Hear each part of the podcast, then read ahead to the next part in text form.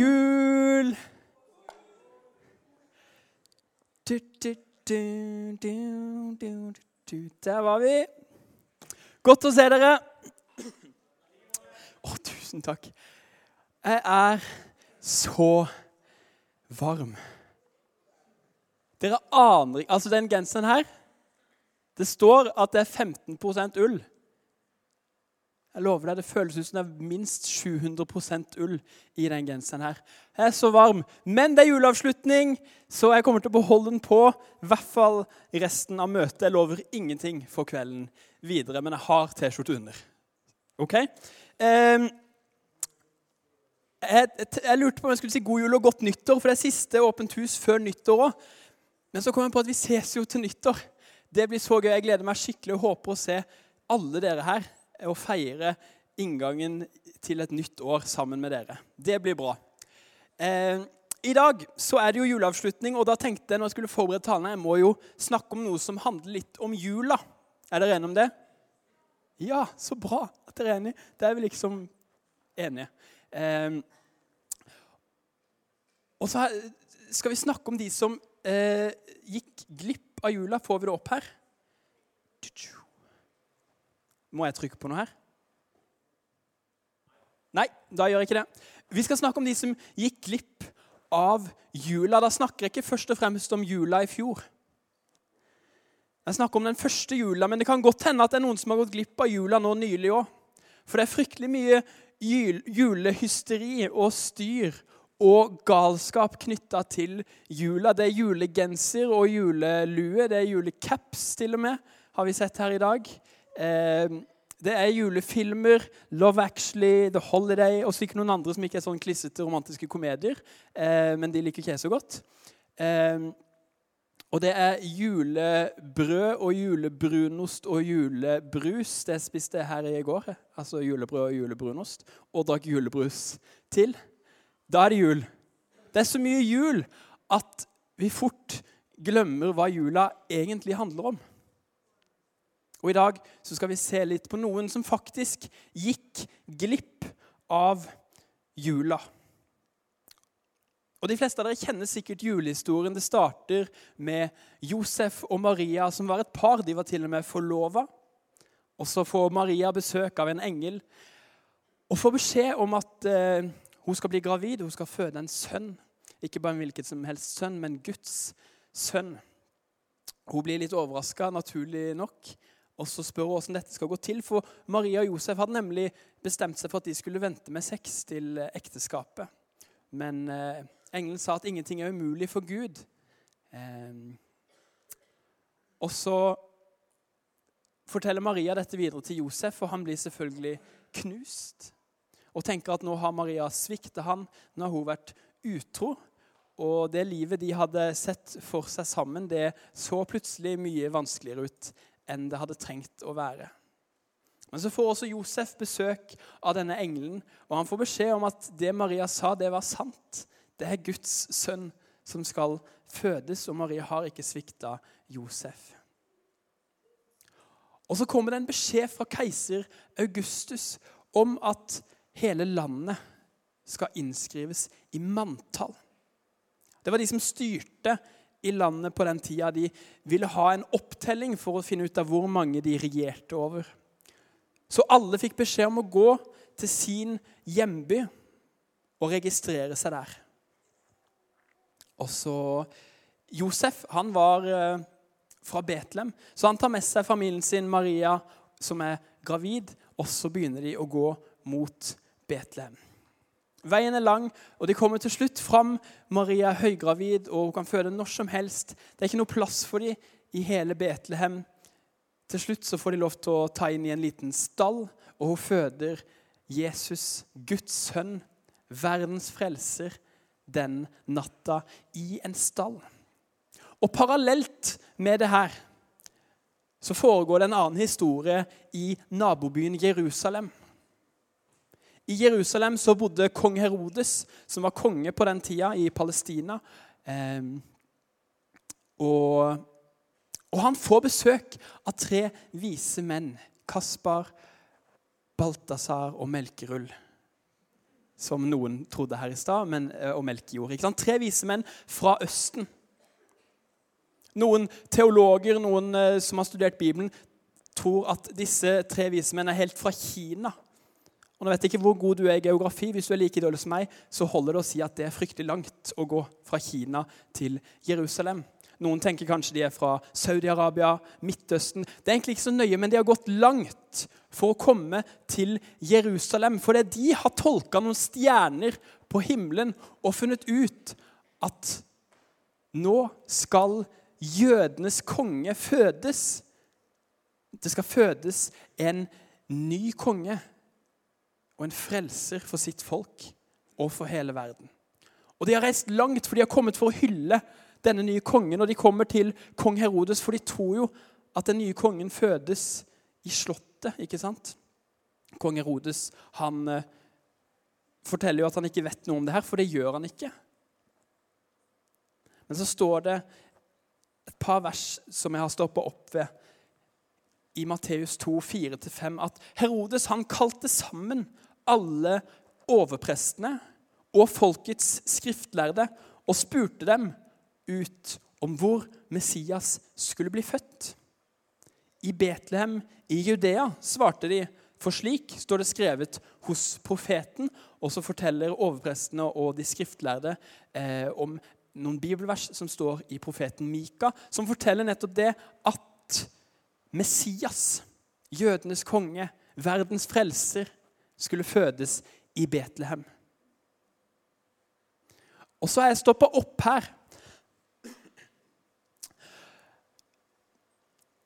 For det vet dere hva vi ikke leser om i juleevangeliet, hva vi ikke leser om i bibelhistorien om den første julenatt. Vi leser ingenting om overprester eller skriftlærde som tar seg turen til Betlehem for å besøke den nye kongen.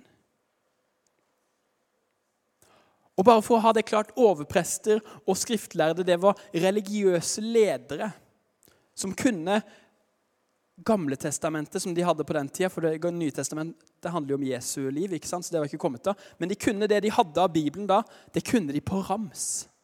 De kunne alt. Og de var liksom høyt oppe der og kunne det aller meste og tenkte at de hadde forstått det. Og når de får spørsmål fra kong Herodes om hvor Messias skal fødes, så svarer de uten å nøle engang ja, men det er jo Betlehem. Det vet jo alle. Og så tenker jeg, Hva er det som går gjennom hodene på disse religiøse lederne i Jerusalem når de får høre at kanskje fødes Messias i Betlehem as we speak? Og så bare blir de i Jerusalem. Fra Jerusalem til Betlehem så er det litt under én mil. Det er ikke veldig langt. Det er ikke veldig langt fra Jerusalem til Betlehem. Det hadde fint gått an å gå den biten der. Og disse religiøse lederne hadde sannsynligvis kameler eller noen andre form for framkomstmidler som de kunne bruke. Men de velger altså å bli i Jerusalem. Og jeg lurer på hvorfor det. Jeg har prøvd å tenke litt og tenkte at det kan jo være tre grunner til at de valgte å gå glipp av den første jula. Den første grunnen det kan være at det rett og slett var på trass. Det hevdes at trassalderen den er sånn tidlig i livet, men jeg er ikke så sikker på det. Den varer i hvert fall til du er 24. For det er eh, Jeg er ikke så veldig, veldig trass det, men det hender. Hvis jeg f.eks. spiller Fifa, noe som betyr veldig mye for meg, eh, og jeg taper Det skjer veldig sjeldent. Eh, og så sitter det en på sida av meg som er mye dårligere enn meg i Fifa, og forteller meg hva jeg burde gjort. Da vet du hva? Da blåser jeg om det stemmer eller ikke. Da gjør jeg ikke det bare på trass. Han skal ikke komme her og fortelle meg åssen jeg skal spille Fifa, når jeg kanskje er en av Norges beste i Fifa. Ikke sant? Det er en overdrivelse med stor O. Eh, men, men han skal ikke fortelle meg åssen jeg skal spille Fifa. Kanskje var det det de religiøse lederne tenkte, at her kommer det tre vise menn fra Østen. De er ikke engang jøder, og så kommer de her for å fortelle meg, som kan alt, om at min konge er født. Nei, vet du hva? Om det så stemmer, så nekter jeg å gå dit og sjekke det ut bare på trass. Tror dere det kan ha vært sånn? Tror dere det fins folk i dag som sier nei til Jesus bare på trass? Som egentlig ikke har tatt et seriøst eh, altså Sjekka ut stemmer det her, stemmer det ikke. Skal vi gi det et forsøk? Skal vi ikke? Men de har sagt nei, bare på trass. Kanskje til og med pga. menneskelige relasjoner. Kanskje fordi at de som har fortalt dem om Jesus, Kanskje er det sånn at de som har fortalt deg om Jesus, har levd et liv som du ikke ønsker å leve. Kanskje de ikke har vært gode forbilder. Kanskje de har gjort ting som du har reagert på. Du tenker at hvis det er sånn det er å være kristen, så vil ikke jeg være kristen. Eller kanskje klarer du bare ikke å assosiere deg med oss kristne. Vi er jo så himla rare, ikke sant? Og så, og så velger du bare på trass, egentlig bare pga. åssen vi er, eller det at vi ikke har noe til felles, så velger du på trass å ikke gi Jesus en sjanse. Fordi du tenker at du vet jo mye bedre.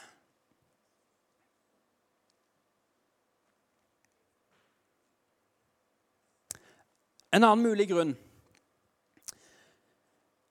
tenker jeg at Jesus var nok ikke den eneste folk hevda var Messias.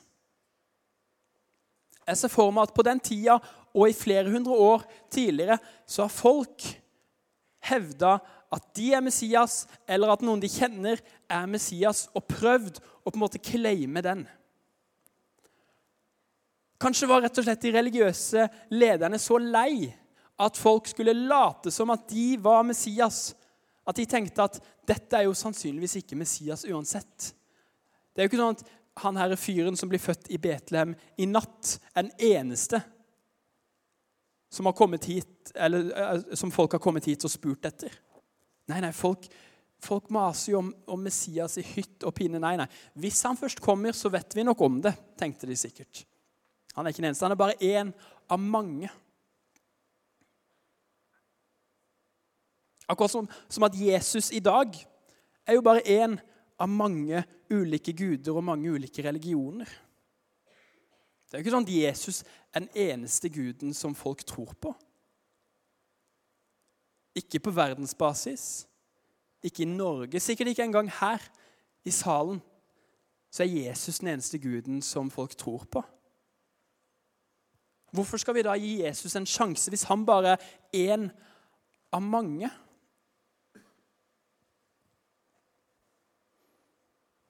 Mitt enkle svar på det er jo fordi Jesus er den eneste. Men det er kanskje litt for kort for deg. Jeg tror at hvis de religiøse lederne i Jerusalem hadde tatt turen til Betlehem, så hadde de skjønt at her var det noe helt, helt spesielt. Han er ikke en av mange. Han er den ene.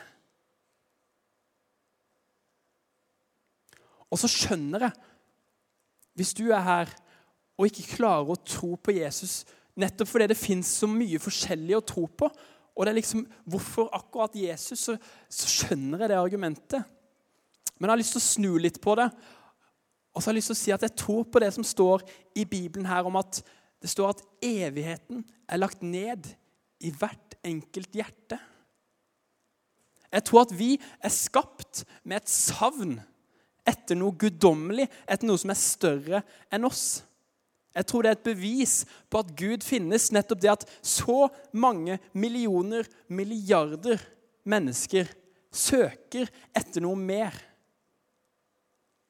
enn bare her og nå, enn bare det vi kan se og ta på.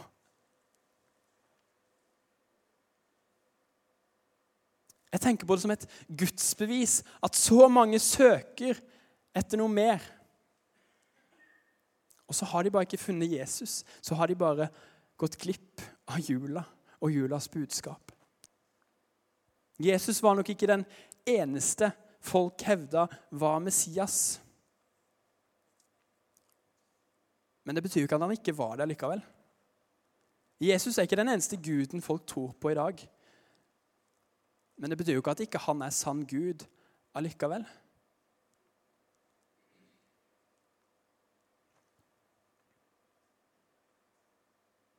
Og så tenker jeg også kanskje var det sånn at disse religiøse lederne i Jerusalem tenkte er lite usannsynlig at Messias skal komme i natt. Altså, nå har vi venta Altså, de hadde venta hele sitt liv. Generasjonen over hadde venta hele sitt liv. Generasjonen over der hadde venta hele sitt liv. De hadde venta i mange hundre år. Hadde jødene venta på han som skulle komme og redde dem. Hva er sannsynligheten for at det skjer i natt? Nja Klarer dere å se det? Det er ganske lite. Det er lite sannsynlig. Det er lite sannsynlig. Kanskje tenker du det, eller kanskje kjenner du noen som tenker det at Hva er sannsynligheten for at Gud finnes, liksom? Fins det noen bevis? Fins det Fins det noe håndfast, liksom? Hva er sannsynligheten for at Gud finnes? Og vi har jo kommet så langt i vitenskapen og alt det der. Kanskje tenkte de religiøse lederne at det er jo ikke så veldig sannsynlig at Gud sender Messias nå. At vi liksom skulle få oppleve det. Men så gjorde han jo det. Så hadde de jo egentlig muligheten til å få oppleve det. Men de valgte å bli i Jerusalem. De valgte å gå glipp av den første julenatta. Og i stallen så var det ikke tomt. Der var det gjetere, folk som var langt nede på rangstigen. De tre vise menn kom fram. Det var engler, det var Josef og Maria. Det var folk i stallen rundt der Jesus ble født. Så Sånn sett så er det jo ikke synd på han. Det er synd på de som gikk glipp av jula. Det er synd på de som var så nærme,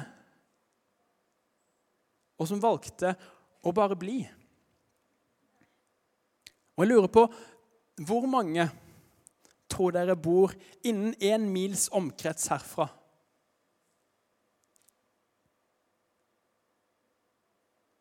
Som velger å si nei til Jesus. Kanskje på trass Kanskje fordi de tror de vet så mye bedre enn alle andre. Eller fordi de har opplevd noe kjipt med noen andre kristne. Kanskje fordi de syns det er vanskelig å forstå alle disse andre gudene. og Hvem skal vi velge, og hvorfor er Jesus liksom den eneste? Det er jo så mange andre. Eller kanskje rett og slett de tenker at det er så usannsynlig. Jeg hørte en fyr si en gang han var ateist. Og så sa han det at han visste at det fantes noe mer enn det vi kan se, enn det vi kan forstå. Det fantes noe mer mellom himmel og jord. Han visste bare ikke hva det var, men han visste at det fantes noe mer. Men han valgte å kalle seg for ateist, for sannsynligheten var så liten for at det var en Gud og en Jesus og en jul og alt det der. Jeg tenker Hvis man vet at det finnes noe mer, hvorfor tar man ikke da sjansen på hvert fall sjekke det ut? Hvorfor tok ikke disse religiøse lederne på seg sandalene og traska den lille mila til Betlehem? I verste fall så hadde de fått seg en god treningsøkt. Hvor mange sitter rundt her, kanskje her inne, kanskje under en mils omkrets unna, og velger å ikke ta på seg sandalene eller og velger å ikke gi Jesus en sjanse. Fordi det er så lite sannsynlig. Men hva har du egentlig å tape på det?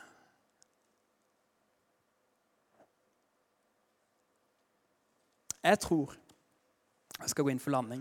Jeg tror at den første julenatt så ble Jesus født. Og det er historisk bevist at Jesus, han levde.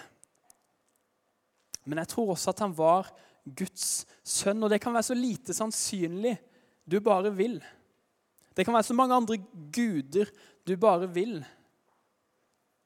Og folk kan være så trassige de bare vil. Men jeg tror at det er et sånn fakta som står støtt, uansett hva folk tenker og mener og sier og regner ut sannsynlighet til. Det er viktig å avslutte med et smell. Jeg tror på det. At Jesus, som ble født, det var Gud som kom ned til vår jord for å gjenopprette den relasjonen vi var ment til å ha til Han. Jeg tror vi er skapt med en lengsel inni oss som Jesus kan fylle.